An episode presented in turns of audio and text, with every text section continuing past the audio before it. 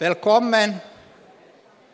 Välkommen på seminariet om Jesus och hur vi ska finna den sanne Jesus bland alla de olika alternativen. Jag heter alltså Leif Nummela.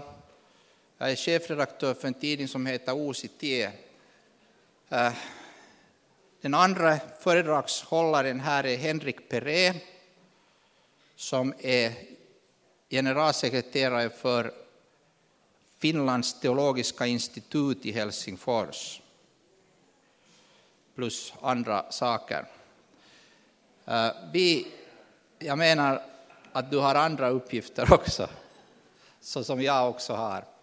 Men det här, eh, jag tror det räcker i det här sammanhanget. Vi, vi, vi ganska många känner varandra, men du är väldigt välkommen, du som kanske första gången är med på en sån här typ av seminarium. Jag kommer att i slutet på den här mötet också kort ställa några frågor till professor Tapio Puolimatka som sitter med på det här seminariet men har sitt eget seminarium här på samma plats eh, genast efter kaffet. För vi vill gärna göra lite reklam för Tapios böcker redan nu på det här seminariet. I varje fall, du är varmt välkommen och låt oss be tillsammans att Jesus själv ska vara med oss när vi talar om honom. Käre himmelske far, vi skulle inte kunna kalla dig far om inte Jesus skulle ha kommit, dött för oss, uppstått, uppenbarat Fadern och Faderns kärlek. Men Herre, det finns en massa lögner om dig, en massa felinformation. Och vi ber idag om att vi skulle få ett klart tänkande och varma hjärtan så att vi kan förstå någonting om det här med Jesus. Vem du egentligen var och hur allt avgörande ditt liv och din person är för oss. I Jesu namn ber vi. Amen.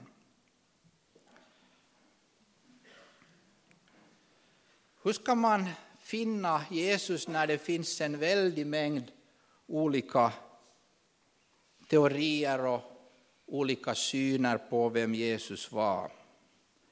Det finns en myriad av olika Jesusbilder som är mer eller mindre i överensstämmelse med den Jesus som vi finner i Nya testamentet.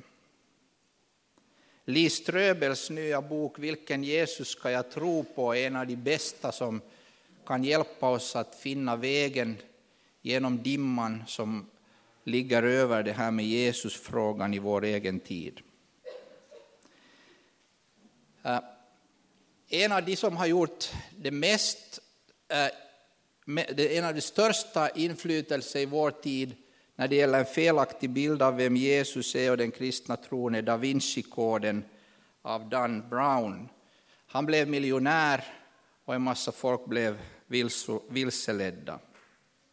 Han har vägrat ställa upp på något som helst debatter därför att han vet att det han har presenterat i sin bok är sagor och sånt som inte stämmer. Det är ju en skönlitterär bok, det är ju alltså en, en roman men den har ett par kapitel som handlar om tron och Jesus och, som vi har orsak att kort återkomma till. Men det kommer hela tiden nytt. Lena Einhorn har skrivit en bok i Sverige där hon påstår att egentligen så har vi fått allting fel. Jesus och Paulus var samma person. När Jesus dog så dog han inte utan flyttade till Egypten och sen kom han tillbaka och så växte, lät han skägget växa och så blev han Paulus, för att säga det kort. En av de värsta som har skrivits är Lena Anderssons Den obehaglige Jesus. Hon har saker att säga som också blir mer populärt i vår tid, att man inte bara attackerar den historiska basen för den kristna tron, utan att man säger en massa saker om Jesus, som att han är manipulering, en mästare på manipulering av folks psyken, att det är Jesu andra natur. Han är en självcentrerad, ärelysten man, obehärskad och grandios. 1900-talets diktatorer ler i sina urnor, det känner de igen. Du och jag, Jesus, tänker de, du och jag. Och att eh, Jesus var en sektledare och en kvinnokar. Alltså det blir tuffare det här språket, det blir allt mer värre det man säger om Jesus. Hur kan man komma bort, eh, hur kan man liksom komma igenom, hur kan man klara sig utan att man blir utskrattad eller, eller, eller att folk bara vrider på huvudet? Hur är det möjligt att folk köper sådana här böcker och läser dem och tar dem på allvar? En orsak är det att kännedomen om de fyra evangelierna och den bibliska sanningen om Jesus är så låg i vår tid att du kommer undan med nästan vad som helst bara du har en titel av någon typ av forskare och, och så vidare och kan säga någonting om Jesus. Sen finns det en annan infallsvinkel som inte är så där frän, utan till exempel Roger Wiklund äh, representerar den synen att Jesus har aldrig funnits. Allt är sagor, allt är legender, allt är myter. Men de här teorierna de växer, det kommer mer och mer hela tiden. Det har ju alltid funnits felaktiga bilder. Kyrkan kämpar med felaktiga, Äh, felaktig information om Jesus redan på andra och tredje århundradet, kämpade förtvivlat och vann. Och Jesus, den sanne Jesus äh, blev predikad, lärd och känd och älskad och trodd i världen ända till idag när vi sitter här. Men nu är vi inne i en helt ny fas av kampen där vi har alla dessa teorier att kämpa med. Jesus levde från ungefär runt talat lite före 0 till 30 eller 33 efter Kristus. Och nu lever vi 2009 faktiskt, inte ens 2008 längre. Hur kan vi komma i kontakt med det Jesus sa? Är historien åtkomlig? Jo, vi har tillgång till historien genom de spår som historien lämnar och som vi kan undersöka idag. Frågan är inte, när vi hör alla dessa olika teorier om Jesus, så är frågan inte om de är möjliga. För det finns en massa saker som är möjliga. En massa saker som är möjliga. Men det är möjligt att alla mina tre barn just nu är i USA. Men det är superosannolikt. För igår kväll var en av dem i Japan, en var i Tammerfors och en var i Esbo. Så det är väldigt osannolikt att de är idag alla i... Men det är möjligt. Det är möjligt att de har tagit ett flyg i natt. Om, jag om någon nu vill komma och skriva en bok om det, och, det tror jag knappast, men jag menar, så du kan alltid göra det. Och du kan alltid påstå, om personen i fråga är väldigt känd, ju kändare personen är, ju mer liksom kittlar det vår nyfikenhet. Att, ja, men tänk om Jesus, det är ju möjligt att Jesus var sån och sån, och det är ju möjligt att det var så. Jo, visst är det möjligt, men det är ju det som är frågan. Frågan är inte ens det hur troligt det är med någonting. För någon kan säga att ja, dina söner eller dina barn, de vill vara så långt ifrån dig som, som möjligt i den här härlinska tiden, den härliga tiden. Så de, vill, de, de, liksom, de har rest nu liksom dit till USA för att komma långt. Okej, det, det, det, det, är ju en, det är en trolig förklaring på det där. Men frågan är ju den hur sannolikt det är. Det är ju det som är frågan. Finns det någon, överhuvudtaget några goda grunder för att det är så? Jag tror inte en sekund på att mina barn är i USA nu. Jag tror de fortfarande är där jag placerar dem just. Därför att de, det är mycket sannolikare, jättemycket sannolikare. Nå, men vad ska vi göra med Wiklunds påståenden? Har Jesus funnits? No, för det första har den kristna kyrkan inte bara funnits, den finns. Och när du följer den tillbaks genom historien så måste du ställa en fråga, varför finns kyrkan? Och när du går till de första kristna och genom historien så pekar allting på där. Alla texter vi verkligen har och som verkligen är från första århundradet och så vidare pekar på att det måste finnas en, en, en, en förklaring till den här tron och de här grupperna av kristna och den förklaringen är att Jesus verkligen har funnits. För att komma ifrån det måste du göra två saker. Du måste först underkänna allt det historiska material vi verkligen har om Jesus. Och så måste du uppfinna ur tomma intet en alternativ förklaring till hur i hela världen det uppkom människor som tillbad Jesus och var färdiga att dö för honom och som, som, som följde hans eh, undervisning. Och var har all den där undervisningen, var har allt det där kommit ifrån? Du måste liksom först förneka all det material och säga att det, det är alldeles naturligt att här finns en Jesus bakom det här. Och sen måste du hitta på Äh, istället någonting helt annat. Vi har nämligen mycket källor om Jesus, mycket om vi jämför med vad vi har om andra på den tiden. För det första har vi förstås evangelierna och de övriga skrifterna i Nya testamentet. Sen har vi de judiska källorna som nämner om Jesus. Sen har vi romerska källor som nämner om Jesus. Och vi har dessutom andra källor. Jesus är mer omnämnd än någon annan person från den tiden. Du kan till exempel ta den eh, romerska historieskrivaren Tacitus som skriver om tiden då kejsar Nero, på Neros tid, det var en stor brand i Rom och hur han utpekar som skyldiga en grupp personer vilka folket kallade kristna. Kristus, upphovsmannen till namnet, hade lidit döden under Tiberius regering genom dom av prokuratorn Pontius Pilatus. Alltså en sån här historiker bara nämner i förbifarten denne Kristus. Vi har en massa saker att ta, Tacitus, inte, inte bara detta som jag nu, som jag nu det, det är ett längre citat som jag tog ett kortare citat av. I själva verket kan man eh, destillera fram vad vi har att lära oss av denne romerska historiker. Att de kristna fick sitt namn enligt rörelsens grundare Kristus, att den romerske prokuratorn Pontius Pilatus dömde honom till döden, att det hände under Tiberius styre, att hans död gjorde slut på vidskepelsen, alltså den kristna tron som han kallar för en vidskepelse, men att denna tro väcktes på nytt till liv en tid senare, att detta hände i Judea där rörelsen uppkommit, att hans efterföljare hämtade tro med sig till Rom och när Rom förstördes i en stor brand under kejsar Neros tid så gav han de kristna skulden för vad som hänt. Men allt detta ska du säga att det är uppfunnet ur tomma intet. fanns aldrig någonting.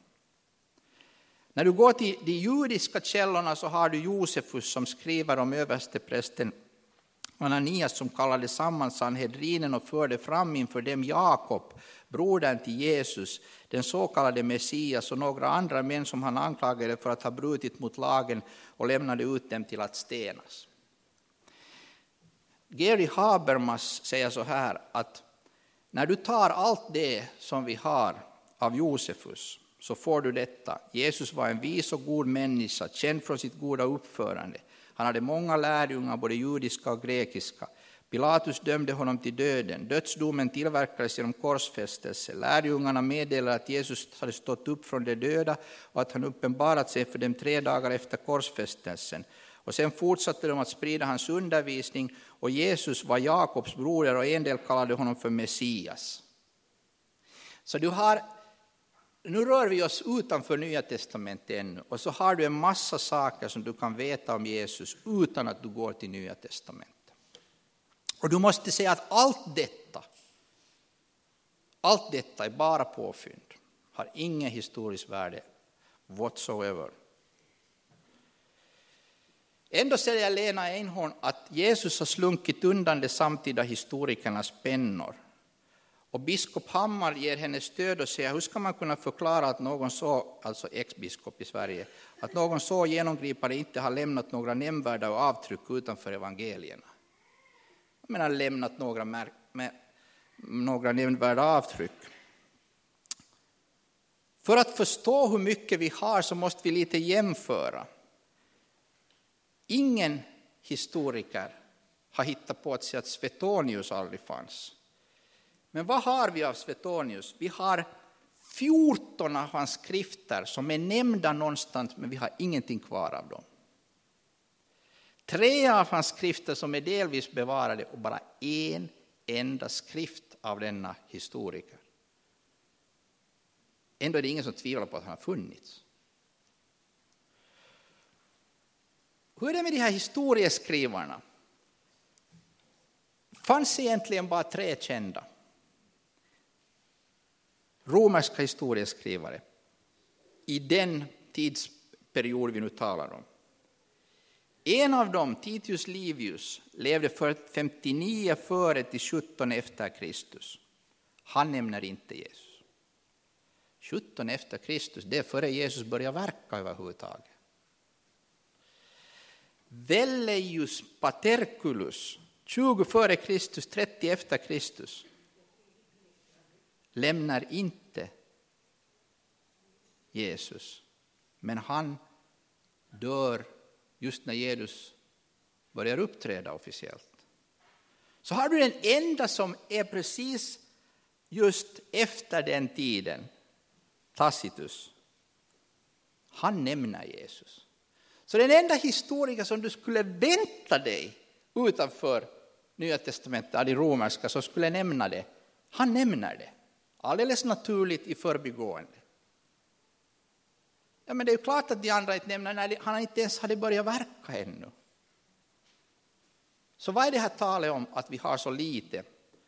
Sen finns det andra förklaringar. Den kristna tron var viktig för Rom när den blev ett hot politiskt, när de var tillräckligt många. Men ingen sig brydde om religionen så länge den var så liten. 30 år av anonymitet, tre år av offentlighet, mest i norra Israel, några besök i Jerusalem. Jesus var inte hungrig att få bli så känd. Han verkade i stillhet. Nu är hans namn det kändaste namnet genom historien, men sen anger han dessutom egna skäl att ligga lågt. Och sen äh, är han felaktigt undanröjd och den kristna tron också av makthavarna för att det var ett hot. Så vi har väldigt naturliga förklaringar till att vi inte har det här överallt. Men vi har det precis där man skulle vänta sig och vi har en massa information och sen kommer vi förstås till det viktigaste ja, ännu ska jag säga att Jerusalem, när det jämnades med marken år 70 så förstördes en sån mängd arkiv att vi kan ha en massa omnämningar om Jesus som vi inte har funnit förstås. En av världens ledande nytestamentliga forskare, N.T. Wright, säger vi har lika mycket goda bevis för Jesus som vilken annan person som helst i den antika världen. Bevisen stämmer så väl överens med vad vi vet om judendomen under den perioden att jag tror det knappast finns någon historiker idag, jag känner faktiskt inte till någon enda, som tvivlar på att Jesus funnits. Men du kan alltid skriva en bok i ett land där nästan ingen hör något vettiga någon vettig undervisning om Jesus och, och där bibelkännedomen ligger väldigt lågt och så kan du få ut dina royaltyn och sen när någon visar att det, det finns absolut inga grunder för vad du har sagt så sen kan du redan vara långt borta och njuta av det du har fått. Alltså det är ju liksom ingen, om, om, om, om världens ledande forskare säger jag vet inte en enda som skulle förneka att Jesus har funnits. Det här var väldigt populärt på Sovjettiden att förneka att Jesus har funnits. Men vi vet vad de hade för motiv till det och att historieskrivningen var förfalskad på den tiden. Men vi måste gå till evangelierna för att få verkliga historiska källor. Och då säger ex-biskop Hammar så här, evangelierna är ju till sin karaktär trosdokument de vittnar i första hand om den tro som fanns i de första kristna församlingarna, inte om den historiska Jesus. Det vill säga, han menar som biskop att den här tron som vi har, så den är inte historisk. Men när du går till Nya Testamentet så finner du något fullkomligt annat.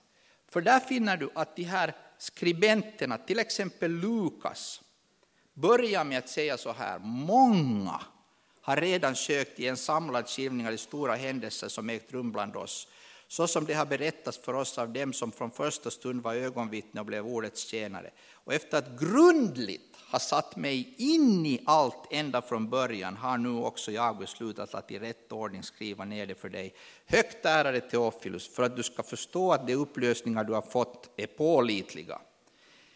Evangelierna har en väldigt god tidsmässig kontakt med Jesus. Jesu offentliga verksamhet träffar ettdera åren 27-30 eller 30-33. Och nu är det så att evangelierna är sannolikt alla skrivna före 70. Standarddateringen är 60-90 men det fick en växande mängd forskare som säger att de är, de är snarare ögonvittnesskildringar och ligger närmare än man har trott. Den här, det här gapet har hela tiden blivit mindre. Så du har bara några tiotals år och du har ögonvittnen gående omkring, du har folk som lyssnar på honom, folk som kände honom och som ska kunna säga till och ropa till om inte det här som skrevs efter att grundligt ha satt sig in, som Lukas säger, om det inte skulle ha stämt. Och sen har vi de här gnostiska evangelierna som man nu gör väldigt mycket reklam för, Marias evangelium, Thomas evangelium och så vidare. När är de skrivna? Hundra år senare. alltså den första möjliga är hundra år senare, Thomas. Sen har du de andra och på de hundra åren får du en fullkomligt annan bild av Jesus i de här sekterna som de här evangelierna, de här gnostiska evangelierna kommer från. Det tidigaste av de här alternativa evangelierna som nu är väldigt populära så är Thomas evangeliet. Och i en helt färsk undersökning visar Nicolas Perin, som är en av de eh, eh, ledande forskarna när det gäller de här andra evangelierna, så visar han att Thomas evangeliet känner igen den här samman eh, sammanslutningen av evangelier som Tatianus skrev och som kallas Diatessaron och som, som skrevs på 170-talet efter Kristus. Och om, du har, om han känner igen det när han skriver Thomas evangeliet så kan han inte vara tidigare. Om han citerar, har direkta citat därifrån. Det betyder att du har det tidigaste möjliga gnostiska evangeliet från 170 efter Kristus. Och då har redan Jesu varning och Paulus varning och de andra apostlarnas varning trätt i kraft att efter mig kommer sådana som förvanskar allt det här, efter mig kommer de, de som lär falskt, efter oss. Om, ni, om någon kommer och säger Eh, kommer i mitt namn så ska ni inte följa honom. Evangelierna Jesus och apostlarna ger oss en väldig mängd varningar om att det här kommer att förfalskas, det här kommer att förnekas, är ni beredda? Och sen inom hundra år så hinner det ske i alla de här sekterna. Men de här evangelierna, i den finska upplagan där du, du, har, du har samlade de här gnostiska texterna, alltså gnosticismen var en sån här, sån här eh, sekterisk äh, heretisk, alltså villolärande rörelse på, som, som kyrkan slet med i slutet på, från slutet på första århundradet. Du ser vissa spår av det i Johannes breven, att de kämpar mot den här synen, förfalskade synen på Jesus redan då. Och, äh, nu har du hela detta gnostiska spektakel så sent att det har inget verkligt historiskt värde när man ska lära känna Jesus. Och i den finska upplagan som har getts ut så säger eh, han som har samlat det, i slutet av, han har, han har en liten en, en, en liten artikel i slutet av boken där han säger att man måste förstå, och han är ingen konservativ alls, men han säger att man måste förstå att dessa skrifter ger dig ingenting värdefullt när det gäller Jesus historiska person. Det är bara sådana saker som har uppkommit senare som är falsifierier.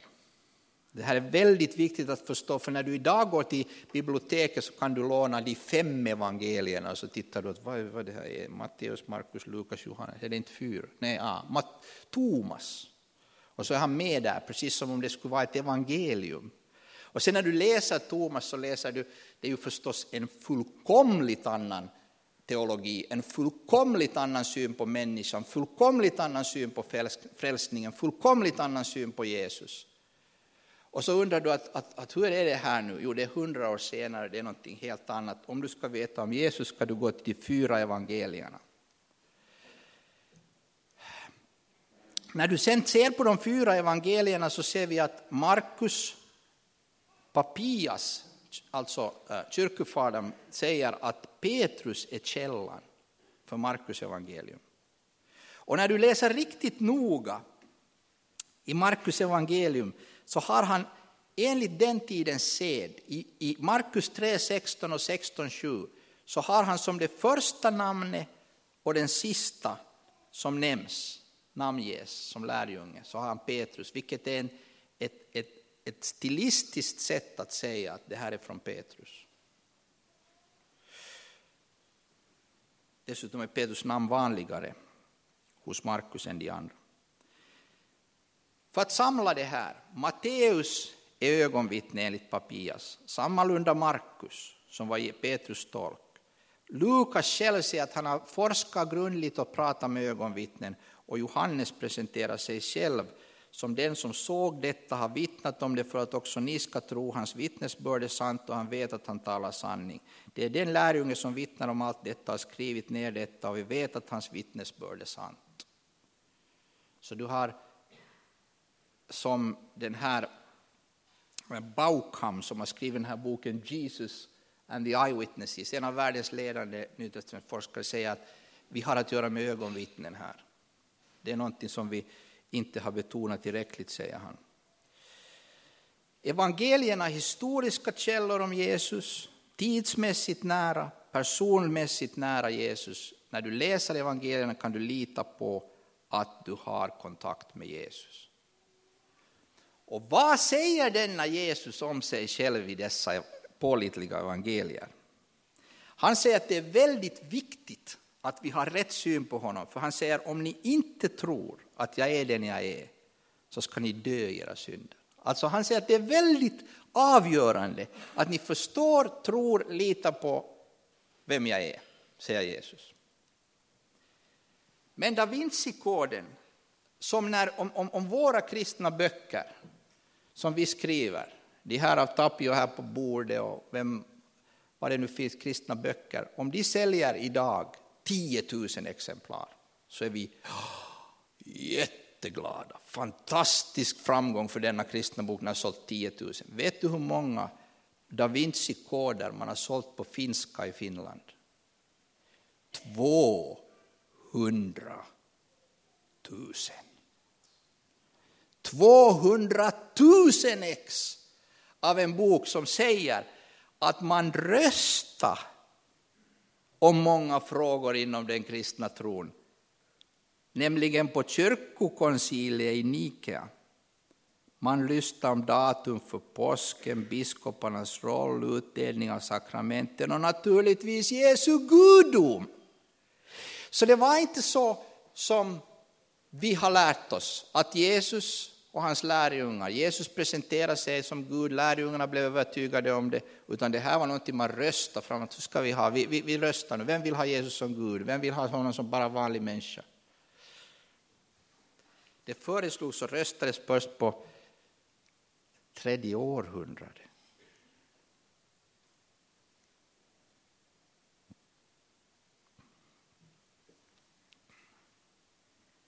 Sanningen om konciliet är det att eh, man röstar ingenting där, för det första. Det fanns inga röstningar där. Om, men om du säger att da, Da Vinci-kodens författare Dan Brown, hur kan du skriva att man röstar där när, när, när man inte ens röstar om någonting överhuvudtaget där? Så svarar han att ja, men jag har ju bara skrivit en roman. En roman som öppnar med orden alltid denna bok. Alla historiska fakta, alla konstverk, allting är fakta. Nu är det inte att jag säger att det är en ond bok och det är inte att jag säger att man inte får skriva fiktiva berättelser. Det är bara det att när, när, när den här, det som man verkligen vet om Jesus är så, är så bortglömt och okänt i vår tid så är det här en fruktansvärt svår sak för, för, för man kan sälja nästan vad som helst åt, åt, åt vår tid. Sanningen är den att vi kan, förkunna, vi kan följa förkunnelsen om Jesu gudom, att Jesus var Gud, tillbaka till sent 40-tal. Och den handlar om Jesus som Guds son. Och den nikenska trosbekännelsen som vi har bak i, i, i, i psalmböckerna, den säger ju så här, vi tror på en enda Herre, Jesus Kristus, Guds enfödde son, född av Fadern före all tid, Gud av Gud, ljus av ljus, sann Gud av sann Gud, född och icke skapad, av samma väsen som Fadern, på honom genom vilken allting är skapat, som för oss människor och för vår salighets skull har stigit ner från himlen och tagit mandom genom den helige Ande av jungfru Maria och blivit människa. Och detta var inte ett röstningsresultat utan detta var en kristallisering av den tro som man hade. En av kyrkofäderna skriver hem och säger vi har nu gett uttryck för den tro som vi har haft sedan barn. Vi har nu gett uttryck för den tro som vi har haft sedan barn, som vi alltid har trott. Och när de kom dit, det var lite annan än fjärde fyra, fyra stjärnors hotell som man nu för tiden kan bo på när vi har sådana här kyrkomöten. Utan det, det, det, var på den tiden så att de kom och så hade de piskslagen i ryggen. Alla nästan hade sett någon av sina vänner dö för tron. Hälften var förföljda. Ingen hade någonting att vinna. Men de hade en tro som de gav uttryck för. Och det kan inte, liksom, hela bilden på vad det som pågick vid det där konciliet blir fullkomligt felaktigt när du läser Da Vinci-koden. Paulus är ju den äldsta källan när vi tänker på, på synen på Jesus. Och det är väldigt intressant att följa hur nära kommer Paulus 55-57 skriver han första Korintierbrevet.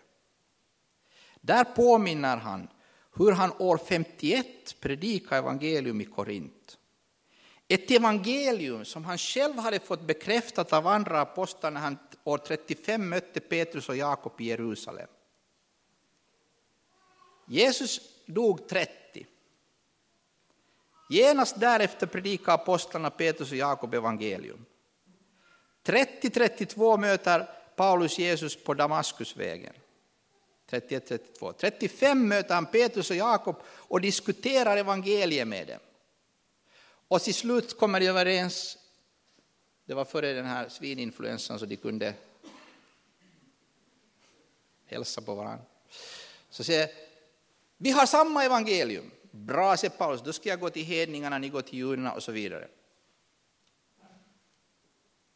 51 predikade han det i Korint, 55-57 skriver han Korintierbrevet.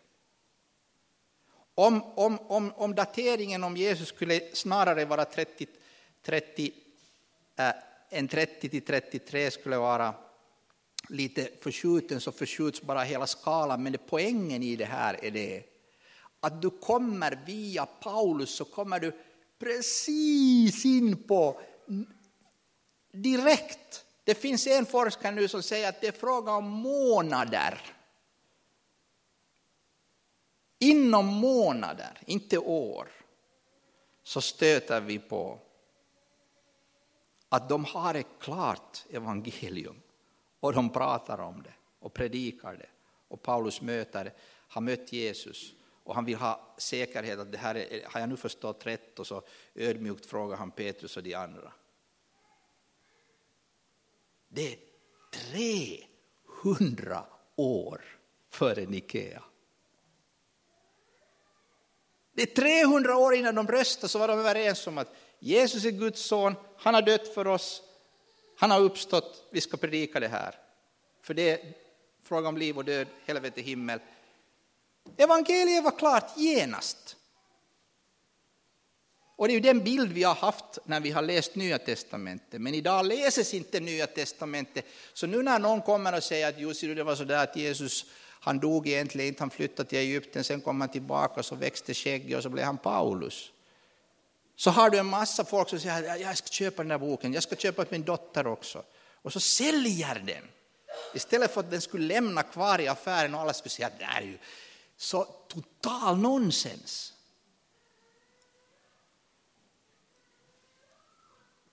Petrus och Jakob år 35 möter Paulus i Jerusalem och då bekräftar de alltså det här evangeliet som de då redan hade haft med sig. Det fanns alltså en enhet i förståelsen av evangeliet om Jesu död och uppståndelse och det predikades genast under de första åren efter Jesu död och uppståndelse. Och när Paulus skriver till Guds församling i Korint tillsammans med alla dem på varje plats som åkallar vår Herre Jesu Kristi namn, deras och vår Herre.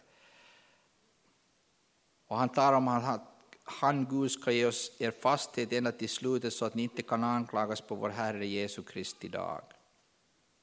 Vi läser sådana här texter och så märker vi inte det som pågår. Jag ska visa dig vad som pågår. För att förstå vad som pågår så måste du gå till den här texten i Gamla Testamentet. Solen ska vändas i mörker, månen i blod innan Herrens dag kommer, den stora och fruktansvärda. Men var och en som åkallar Herrens namn ska bli räddad. Kom ihåg det här, så går vi tillbaka till Nya Testamentet. Åkallar vår Herre Jesu Kristi namn Vems Herres namn? Vi går tillbaks. Åkallar Herrens namn. Vem är det som nu har fått det där Herrens namn? Som ju var Jahve, Gud i Gamla Testamentet. Vem är det? Det är Jesus. Så det som Paulus egentligen påstår är att den som det talas om när man talar om det här namnet som ska på den fruktansvärda dagen vara det enda som skyddar oss. Och den här stora fruktansvärda dagen när vi ska stå inför Gud, den som det talas om är Jesus. Men i Paulus texter, i Johannes texter, i Petrus texter så är det så inbakat på alla sätt att Jesus är Gud att det finns ingen möjlighet att påstå att det här har uppkommit flera hundra år senare. Utan frågan är den att man inte kan läsa dessa texter och se dessa sammanhang så förstår man inte vad de här nya testamentliga författarna egentligen påstår.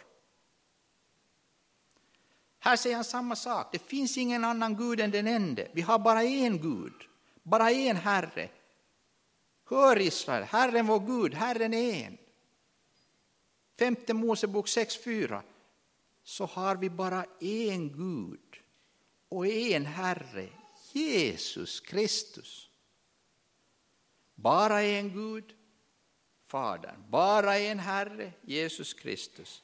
Från vilken allting utgår som är vårt mål, genom vilken allt är till och genom vilken vi alla är till.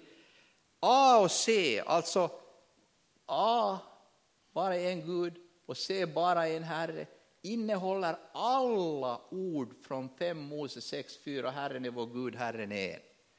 Förstår du vad författaren gör? Han, för alla judar som förstår det här, som känner GT, så det är solklart. Det här är ett, ett, ett alldeles otroligt påstående. Han påstår att Jesus är Gud själv. Men med den kännedom vi har idag så missar vi detta när vi läser Nya Testamentet.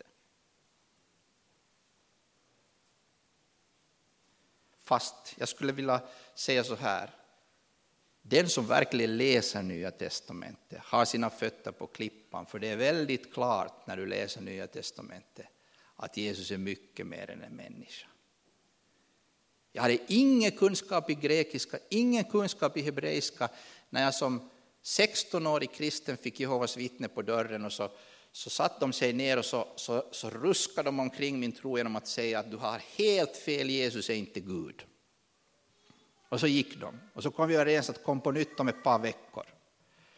När de hade gått så använde jag flera dagar. Jag till och med linsa från skolan och forska och läste och bläddra sönder min bibel. Att, vad är här? Och så började det dyka upp ett ställe efter ett annat, ett tredje. Och när de kom tillbaka och sa nu ska ni slå er ner här, en man och en kvinna, så sa jag så här. Det finns sex ställen i Nya Testamentet, i det här vanliga finska som vi kommer överens om att använda, där det står helt klart att Jesus är Gud. Om jag visar dem, tror ni på det? Nej. Varför inte? Våra ledare kan inte ha misstagit sig. Kära broder och syster, när du har kommit dit hen, att du har någon ledare, vad han vara må, vem han vara må, vilken kyrka, vilket system som helst, som du tror mer på för hans religiösa position eller något annat, än på Guds eget ord, så kan jag inte hjälpa dig mera. För vad jag än visar dig ur Guds ord så har det ingen auktoritet.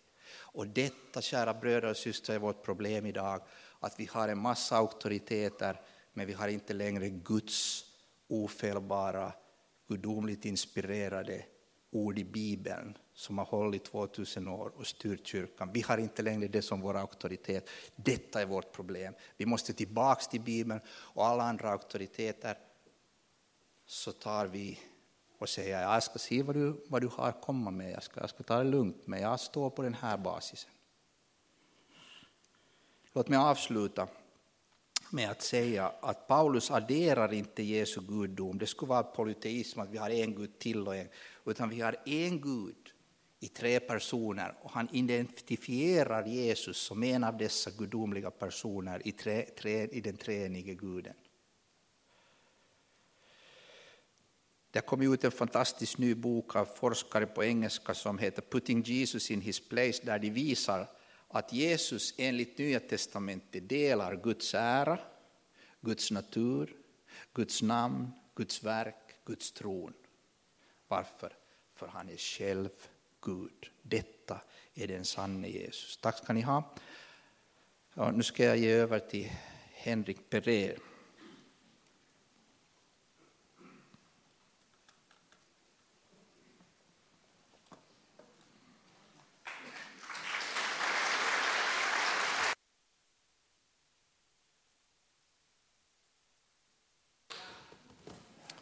Tack ska ni ha.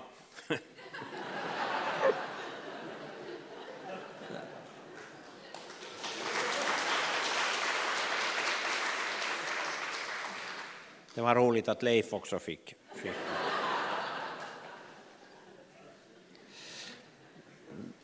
Det är ju en generös församling som applåderar innan man har sagt någonting.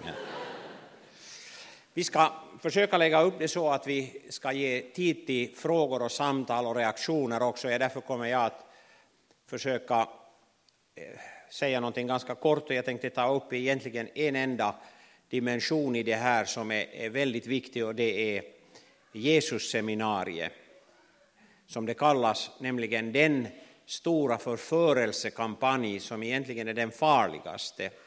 Det är inte angreppet utifrån på kristendomen, att man säger att det är inte sant och så vidare.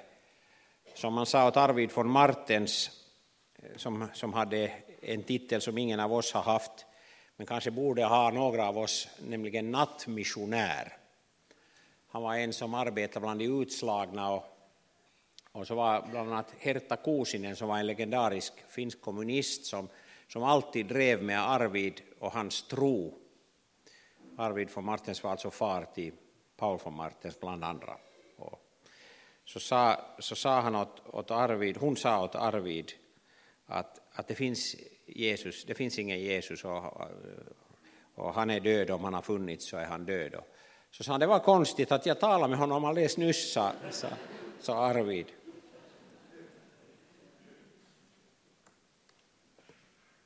Nu ska vi se om vi får... Det tycks fungera också lite här med Macens värld fast det är, PC har spritt sin virus här.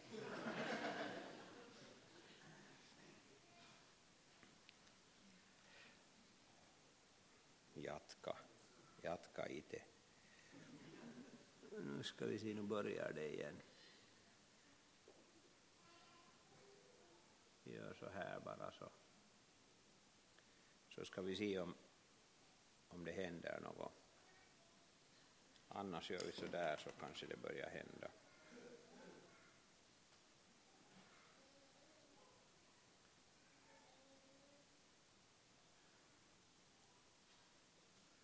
Så där, nu ska vi försöka få, få den här härligheten lite ditåt och så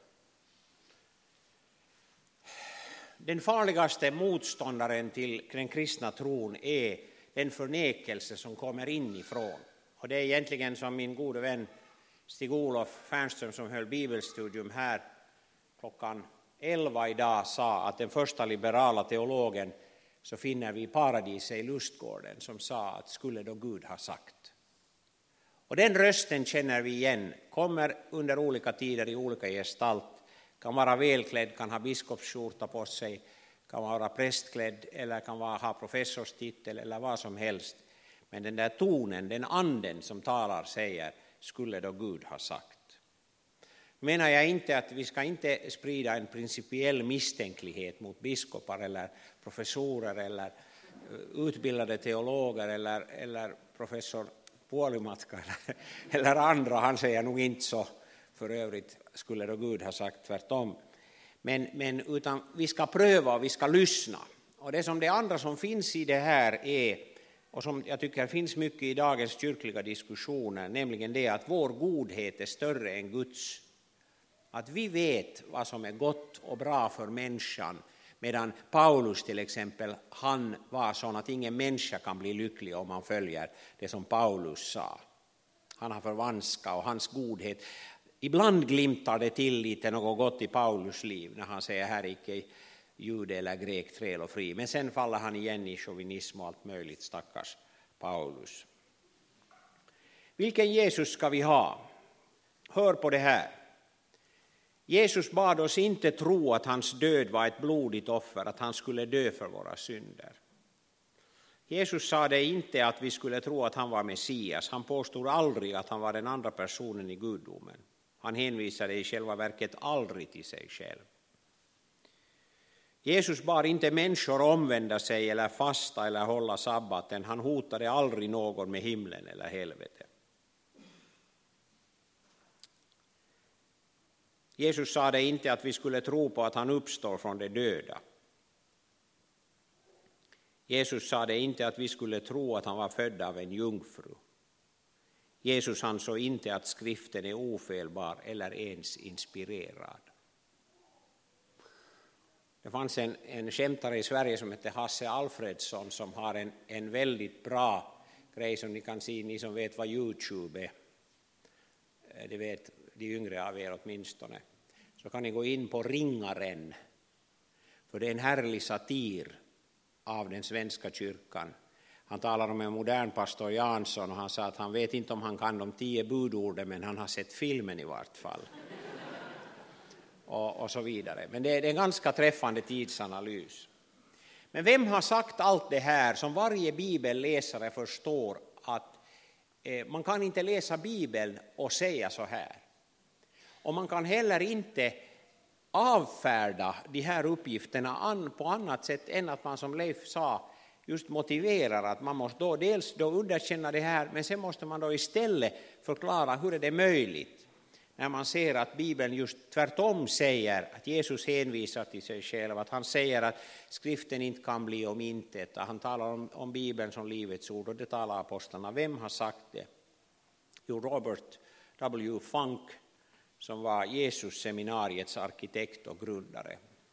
Och Jesus seminarium var ju alltså, eller är ju en samling teologer, eh, de börjar väl med ett par hundra och de kallas fellows. Det finns två finländare, ena är Sakari Häkkinen som är bror till biskop eh, Seppo Häkkinen som är ny biskop i Sankt Mikkel, som är betydligt bättre än sin bror teologiskt sett. Sakari Häkkinen och sen eh, Jarmo Takki som är verksam väl i USA men som också är finländare egentligen. Och där finns också Karen Arms Armstrong till exempel som vars böcker säljs mycket. Hon är en av dem som är med, en väldigt fiffig dam för övrigt och väldigt skärpt och duktig men skriver goja precis som, som män. Och där finns biskop Spång han är en av, av dessa som sitter i ledningen för Jesusseminariet. Och då har man haft som uppgift att försöka så att säga vaska fram i evangelierna. Leif nämnde här boken De fem evangelierna och det är deras standardverk, kan man säga, grundverk. De har ju skrivit en mängd sen andra böcker. Men där forskare försökte med färgpenna, precis som i andra barnklubbar, så försökte man klassificera Guds ord i fyra olika nivåer. Röd text det var sådant som Jesus hade sagt, det som man verkligen kan tro, eller åtminstone nästan så som det står att vara Jesu egna ord. Jag kan för övrigt säga att det enda som enligt Jesus seminariet stämmer för Markus evangeliet, det enda äkta Jesus ord vi har i Markus evangeliet, det är där han säger att människorna ska betala kejsarens skatt. Sen hade man ljusröd text, alltså Jesus sa troligtvis så, inte så, men ditåt, möjligen något i den stilen. Och så var det en grå som nu har blivit lite grön här, men kanske grå där, ja. Eh, Jesus sa det inte så, men tanken kommer nära Jesu tankar, men det, har liksom inte, det är inte ett uttryck för vad Jesus själv sa. Och sen svart text, Jesus sa det inte så, det här är ett tillägg, det här har andra satt dit och satt det liksom i Jesu mun. Vet du vad resultatet är? Jo, att över 80 procent av evangeliernas text är gråa eller svarta. Det vill säga, Jesus har inte sagt det, till vissa delar är tanken någonting som rimmar med Jesus, men inte så som det är. Endast 20 procent är sådant som Jesus verkligen har sagt. Jag tror att trenden idag är en annan. Man tar Jesus och evangelierna på ett helt annat sätt på allvar och man har kommit till dels genom studier av den muntliga traditionen och dels genom den våldsamma, eller vi ska säga väldiga interaktion mellan böckerna inom Nya testamentet som binder upp varann. Alltså att tar du en bok och, och rubbar en sak så faller de alla ihop, då får du ett mångdubbelt problem med att förklara det här. Jag ska återkomma lite till det. Och sen också relationen mellan gamla och nya testament.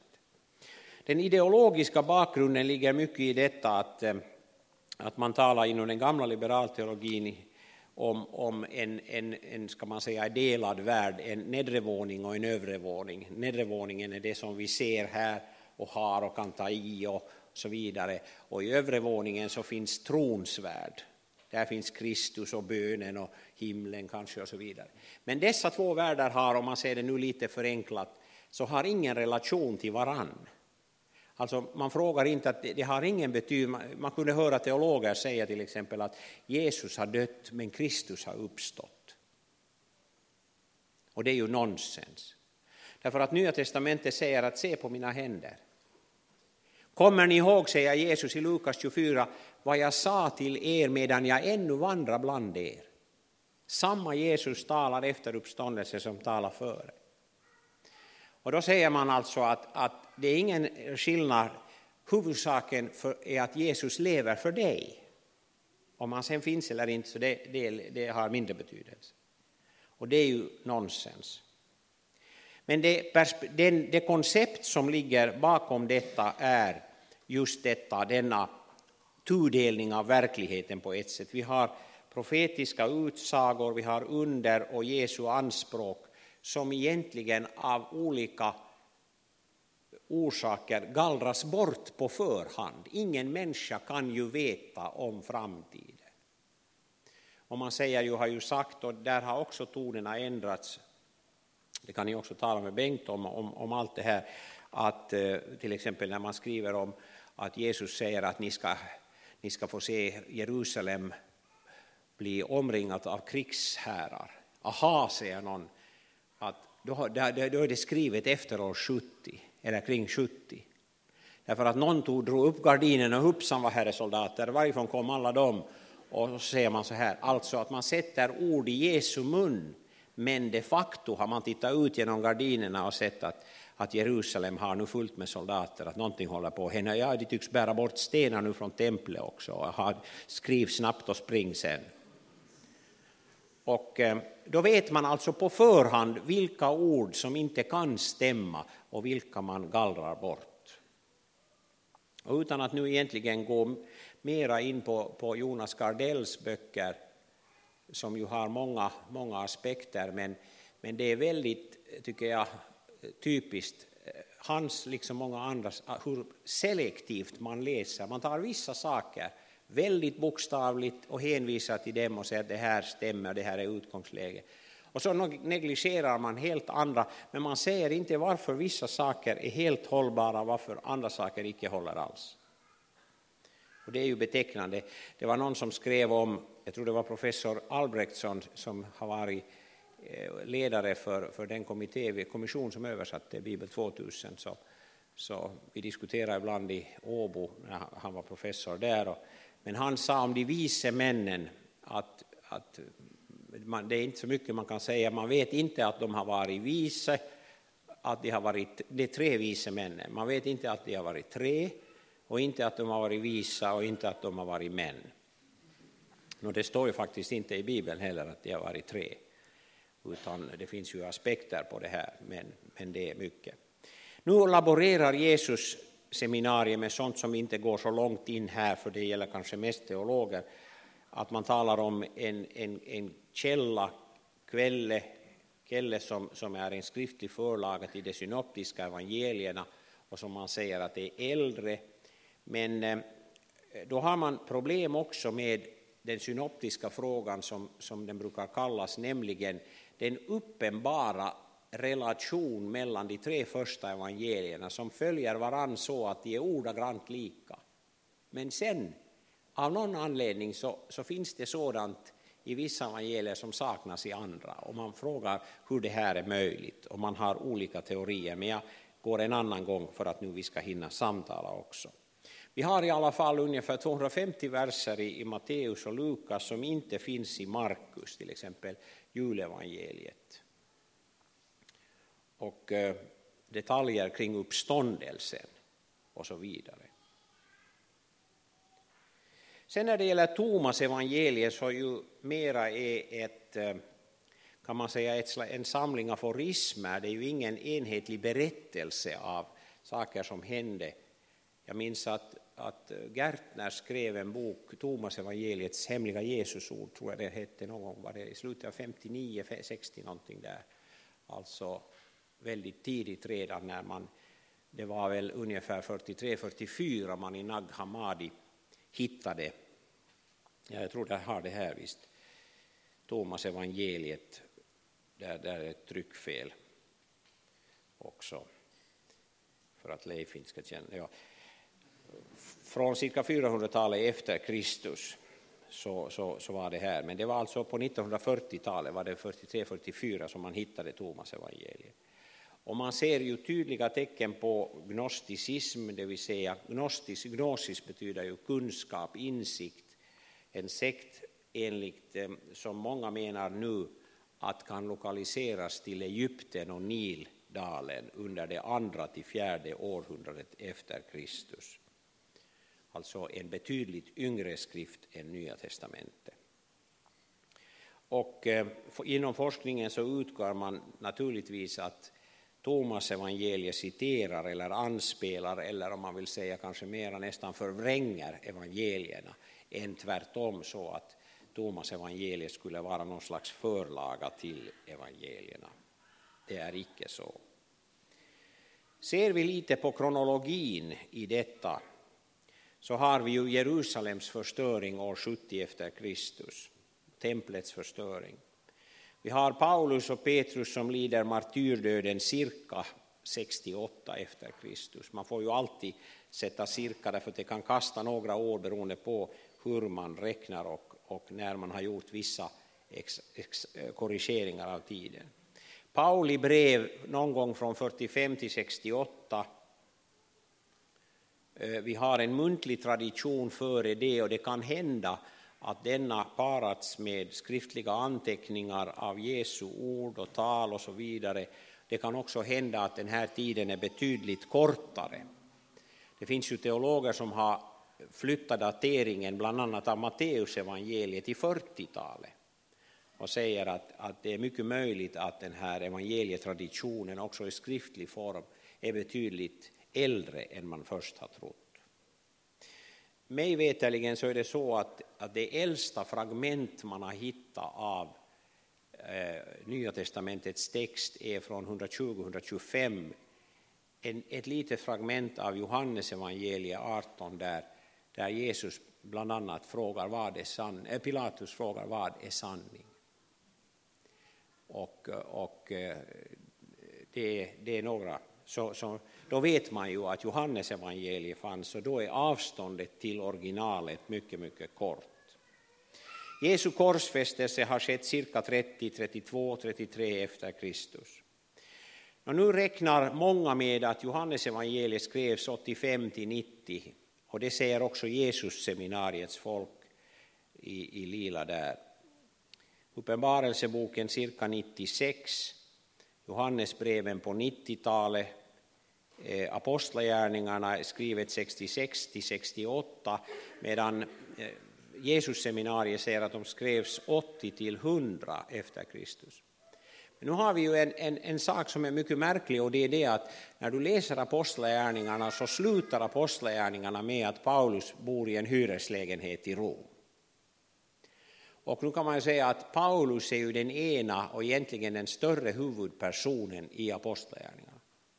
Den förra delen som Lukas skrev om var ju Petrus och Johannes, särskilt Petrus, och sedan från kapitel 9 där, där Pauli omvändelse kommer in och sedan efter de här mellankapitlen, framförallt från 11 och 12 och sen 13 kapitlet så kommer ju Paulus in i bilden på heltid så att säga.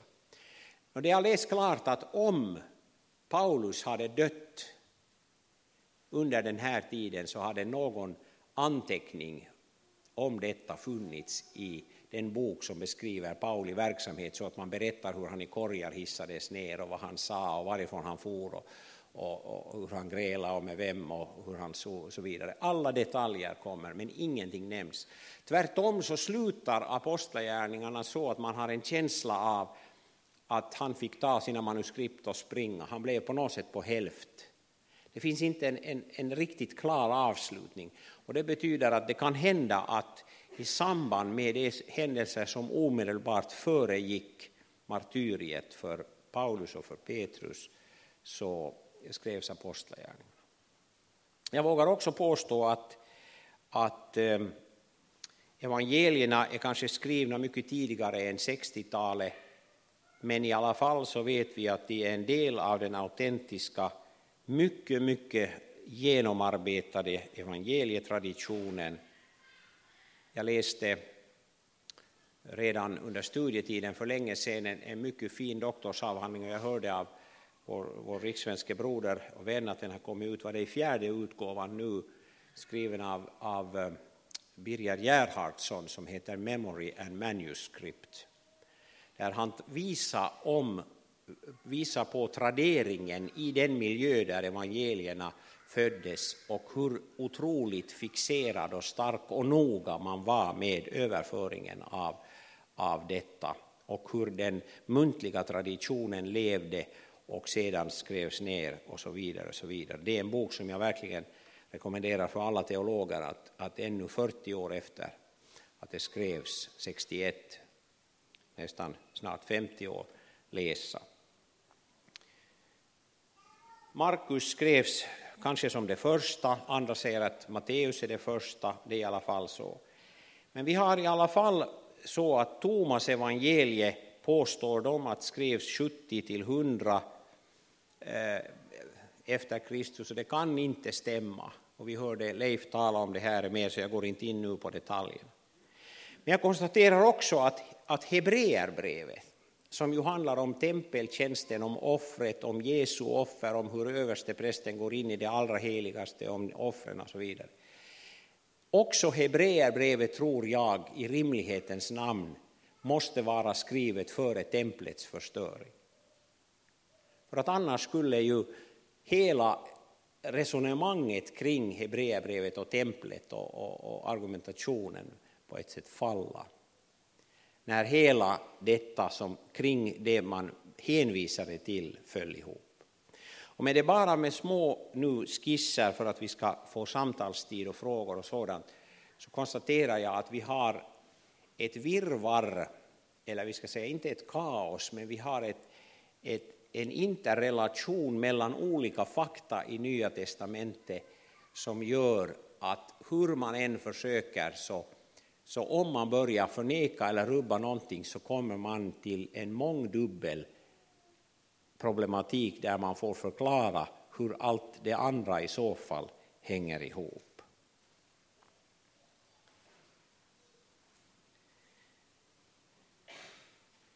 Det här talades redan om och därför säger jag det inte nu mera än det. Men så vill jag ännu bara betona till sist det att, att ett studium av Nya Testamentet visar att Nya Testamentet bygger på GT, det är kvittot på GTs löften av den kommande Messias. Det är märkligt att både Paulus och rabbinerna säger detsamma.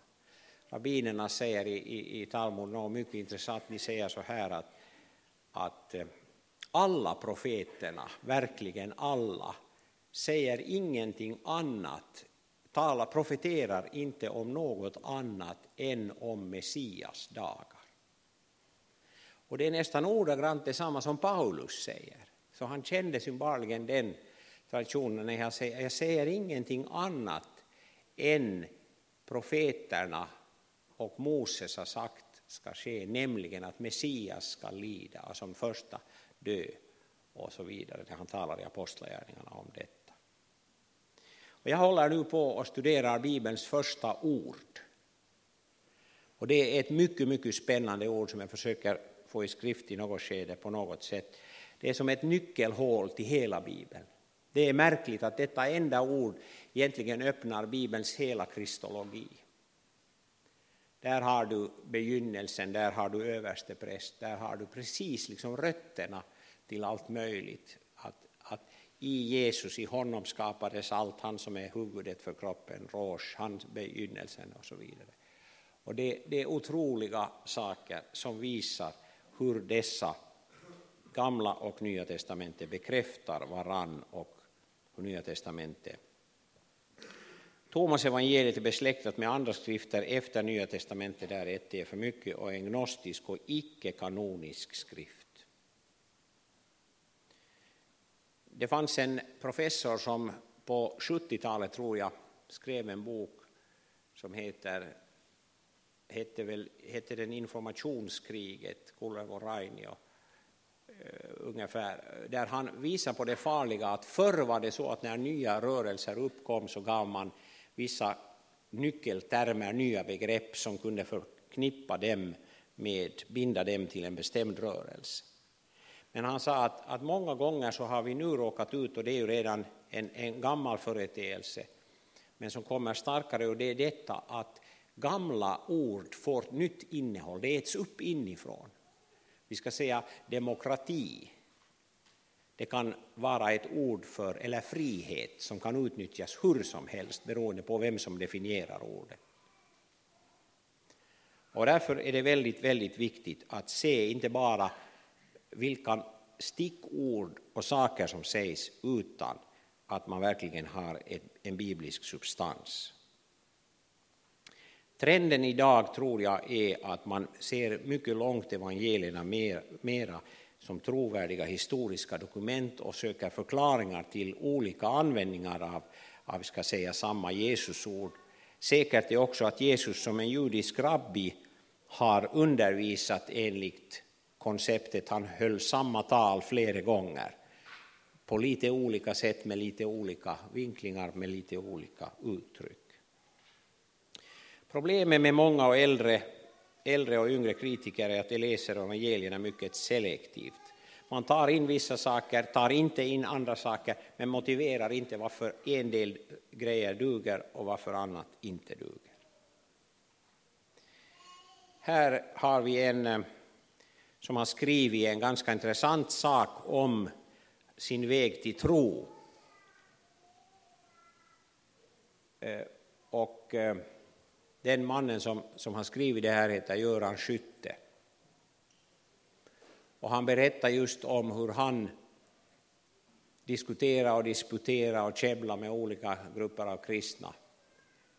Och jag kommer ikväll att komma lite in på, på det han skriver om i en av sina, eller han har väl skrivit två särskilt kända böcker, Omvänd och, och, och, och väg, Vägen eller På väg.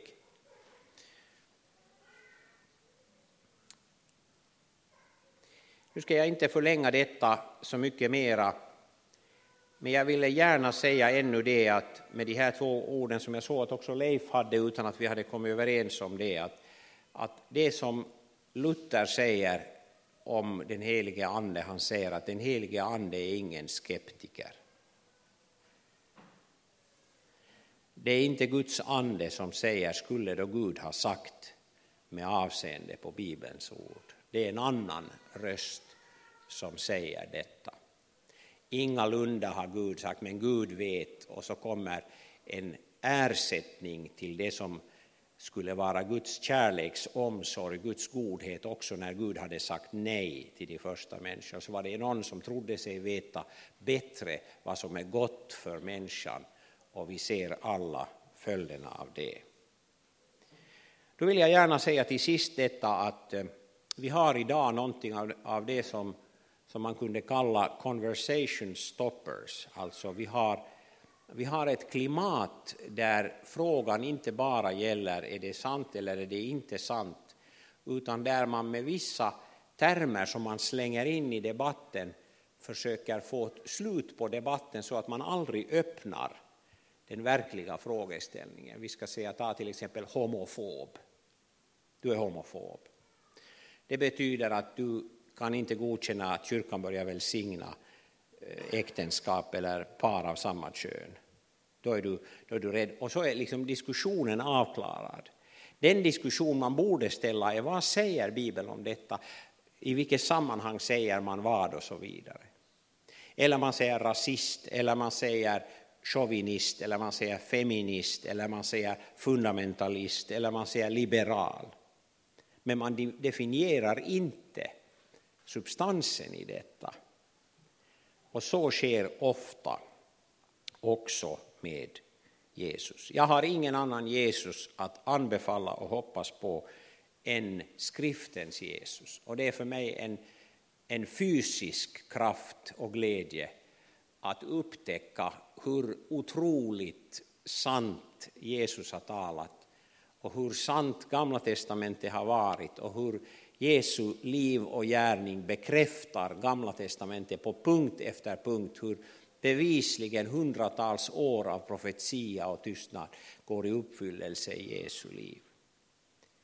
Jag har ibland sagt lite sådär med, med glimten i ögat att, att det är tur att vi har fötts i den här tiden för vi har inga villolärare i vår tid. De har alla försvunnit. Nya testamentet varnar ju ständigt för en annan Jesus än den vi har förkunnat. Och Paulus säger att, att om en ängel från himlen kommer och förkunnar ett annat evangelium än det som vi har förkunnat så var det han förbannad. Men när hör man detta idag?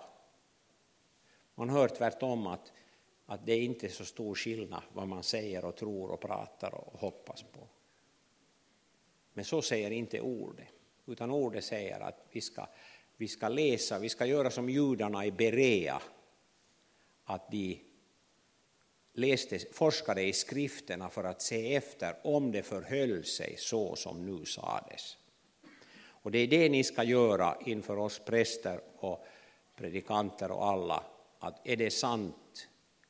Bibeln är vår bok, allas bok, det är den kristna församlingens bok, det är en hälsning, ett kärleksbrev från Gud. Och det är ljuset av detta ord som vi ska pröva, pröva allt detta. Och det står i vår kyrko ordnings första paragraf också att Guds heliga ord är den norm enligt vilken alla läror ska prövas och bedömas. Alltså den är inskriven där i vår kyrkas första paragraf.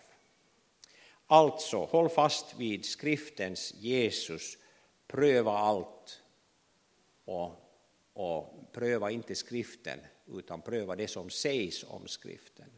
Utan läs och ät och lev av skriften, för om den gäller att vi vet att hans vittnesbörd är sant.